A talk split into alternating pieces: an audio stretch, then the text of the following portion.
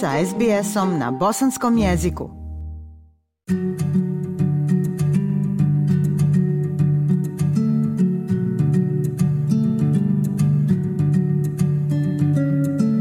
Slušate SBS program na bosanskom jeziku. Ja sam Aisha Hadži Ahmetović.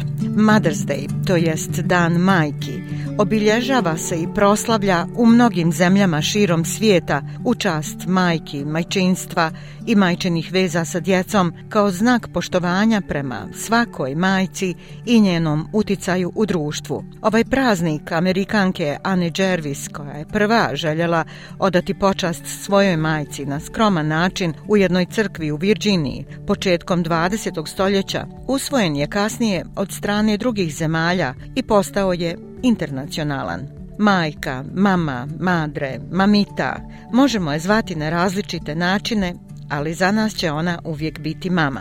Želeći odati počast svim majkama i dati doprinos u obilježavanju ovog lijepog praznika, ugostili smo danas jednu bosansku majku. Ona je gospođa Đenita Čengić-Karup iz Sidneja, majka trojice sinova i aktivna članica Bosansko-Hercegovačke zajednice u Novom Južnom Velsu. Gospođo Karup, želim vam srdačnu dobrodošlicu u SBS program na bosanskom jeziku i sretan vam dan majki. Zahvaljujem se na pozivu, e, gospođa Iša i također pozdravljam sve vaše slušatelje u cijeloj Australiji i želim svim mamama sretan dan majki.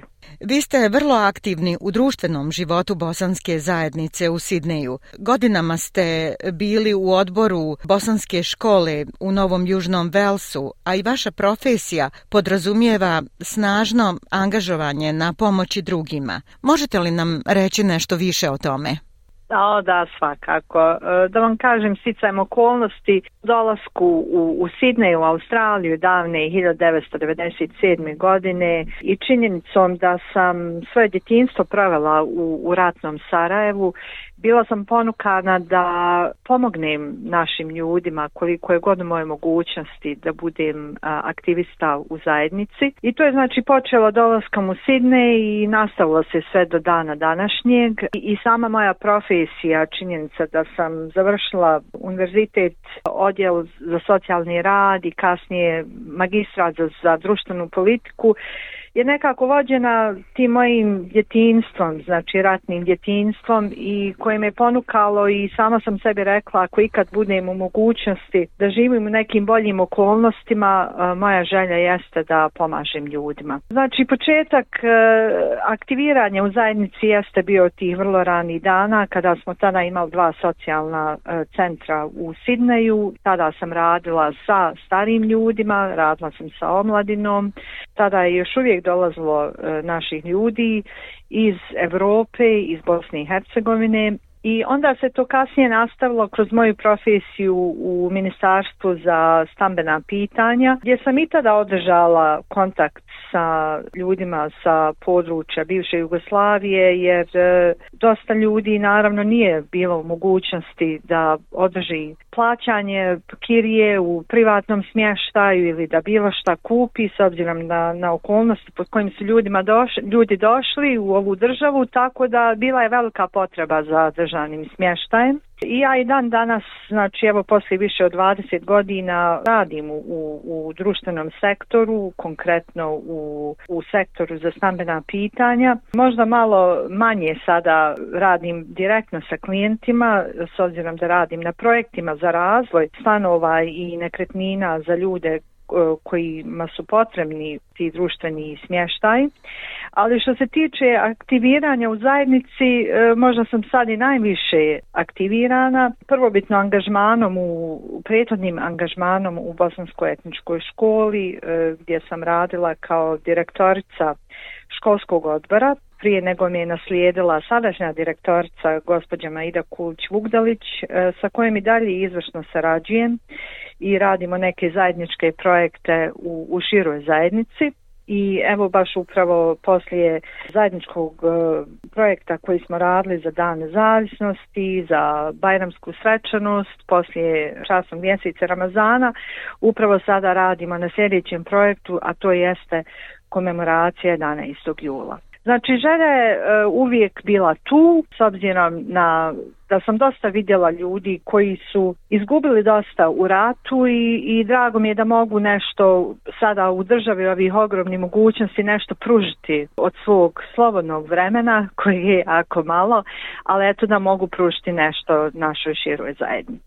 Jako je pohvalno što nesebično dajete svoj doprinos zajednici i vrlo rado uvijek ustupamo naš prostor aktivistima poput vas. Ipak, povod našeg razgovora danas je Dan majki. Džanita, šta vama znači majčinstvo? Možete li nam predstaviti vašu familiju?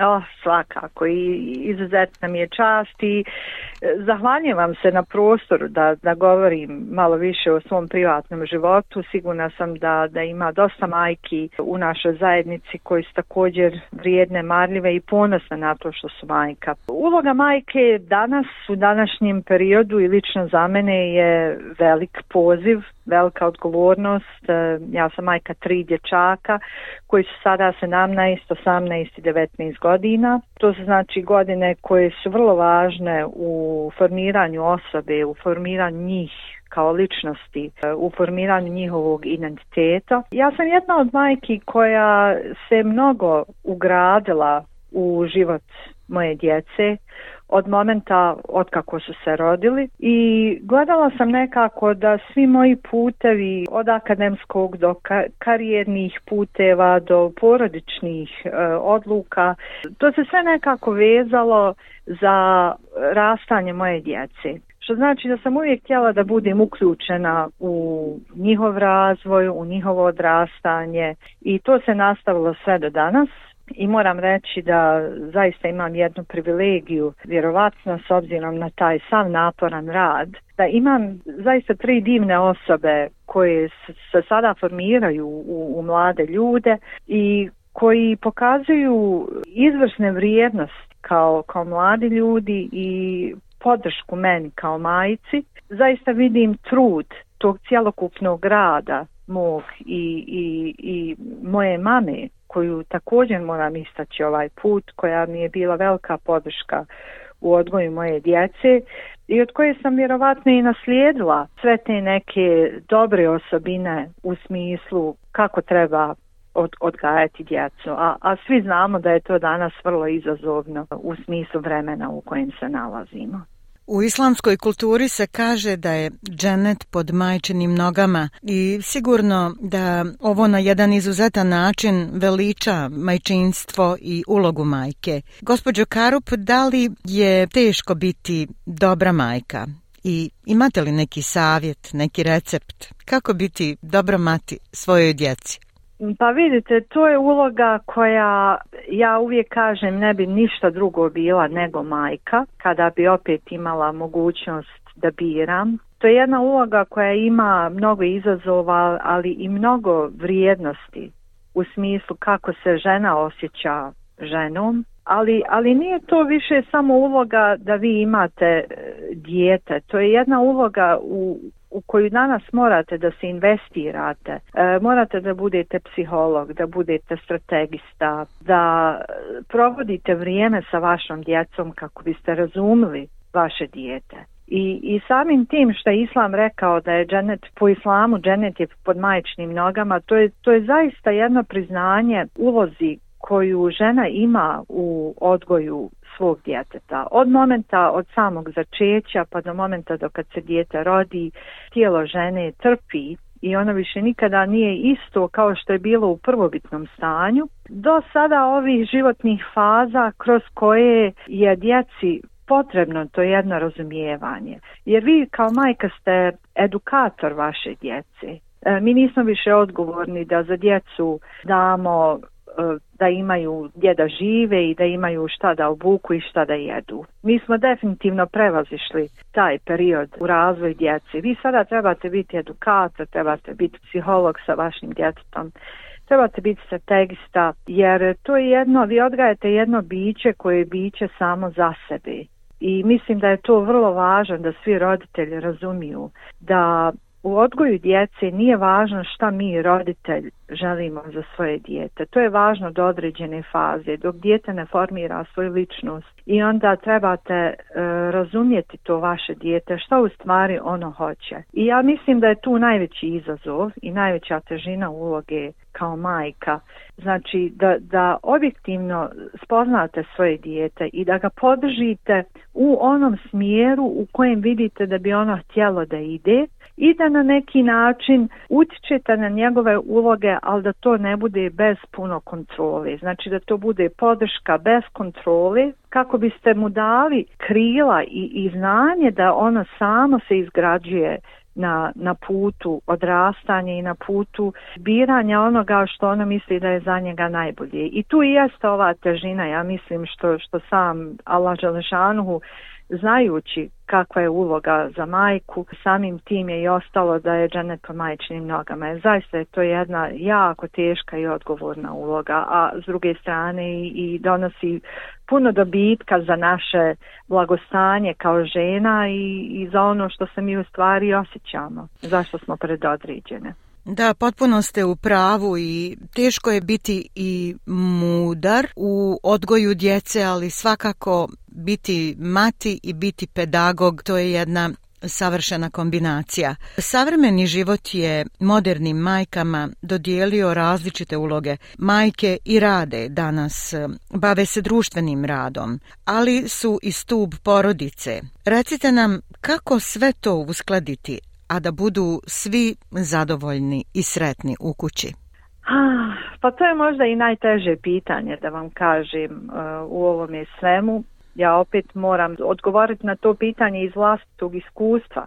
Mislim da onog momenta kad postanete porodična osoba, kad postanete majka, kada imate porodicu, ako je to vaša, vaš izbor, jer danas mnogi odlučuju da ne žele da imaju porodicu, da ne žele biti majke, mislim to je svači izbor, ali onog momenta kad odlučite da, da to želite, morate shvatiti da, da se više svijet ne vrti samo oko vas kao individue nego da vi sada imate jednu veću ulogu, znači da živite u zajednici. I da na svaki mogući način imate otvoren razum, e, otvoreno razmišljanje kako ćete se postaviti i kako ćete se snositi sa svim odgovornostima koje porodični život donosi. I šta je vrlo važno za, za današnju ženu jeste da imate mjeru i da postavite odmah od početka prioritete pravilno. A posebno, znači, ako, ako imate tu privilegiju da ste majka, ti prioriteti u životu, pored e, mislim, poročnog života, da, da ste prisutni u, u, životima svoje djece su vrlo, vrlo važni, naročito u tom jednom određenom periodu dok oni odrastaju. Sve drugo može da sačeka, uključujući i karijeru, recimo šta je za mene bilo vrlo važno jeste da radim na mjestima koji uvijek daju fleksibilnost jer meni su uvijek e, djeca bila na prvom mjestu ljudi koji me poznaju e, znaju da ja tako ono što, što ovaj kažem ja tako i živim i bilo mi je vrlo važno da imam tu fleksibilnost ako nekada moram da, da budem kod kuće, da provedem to vrijeme kod kuće sa svojom djecom. Znači, to je dosta važno. Dosta je važno mladim majkama da ne odbijaju pomoć.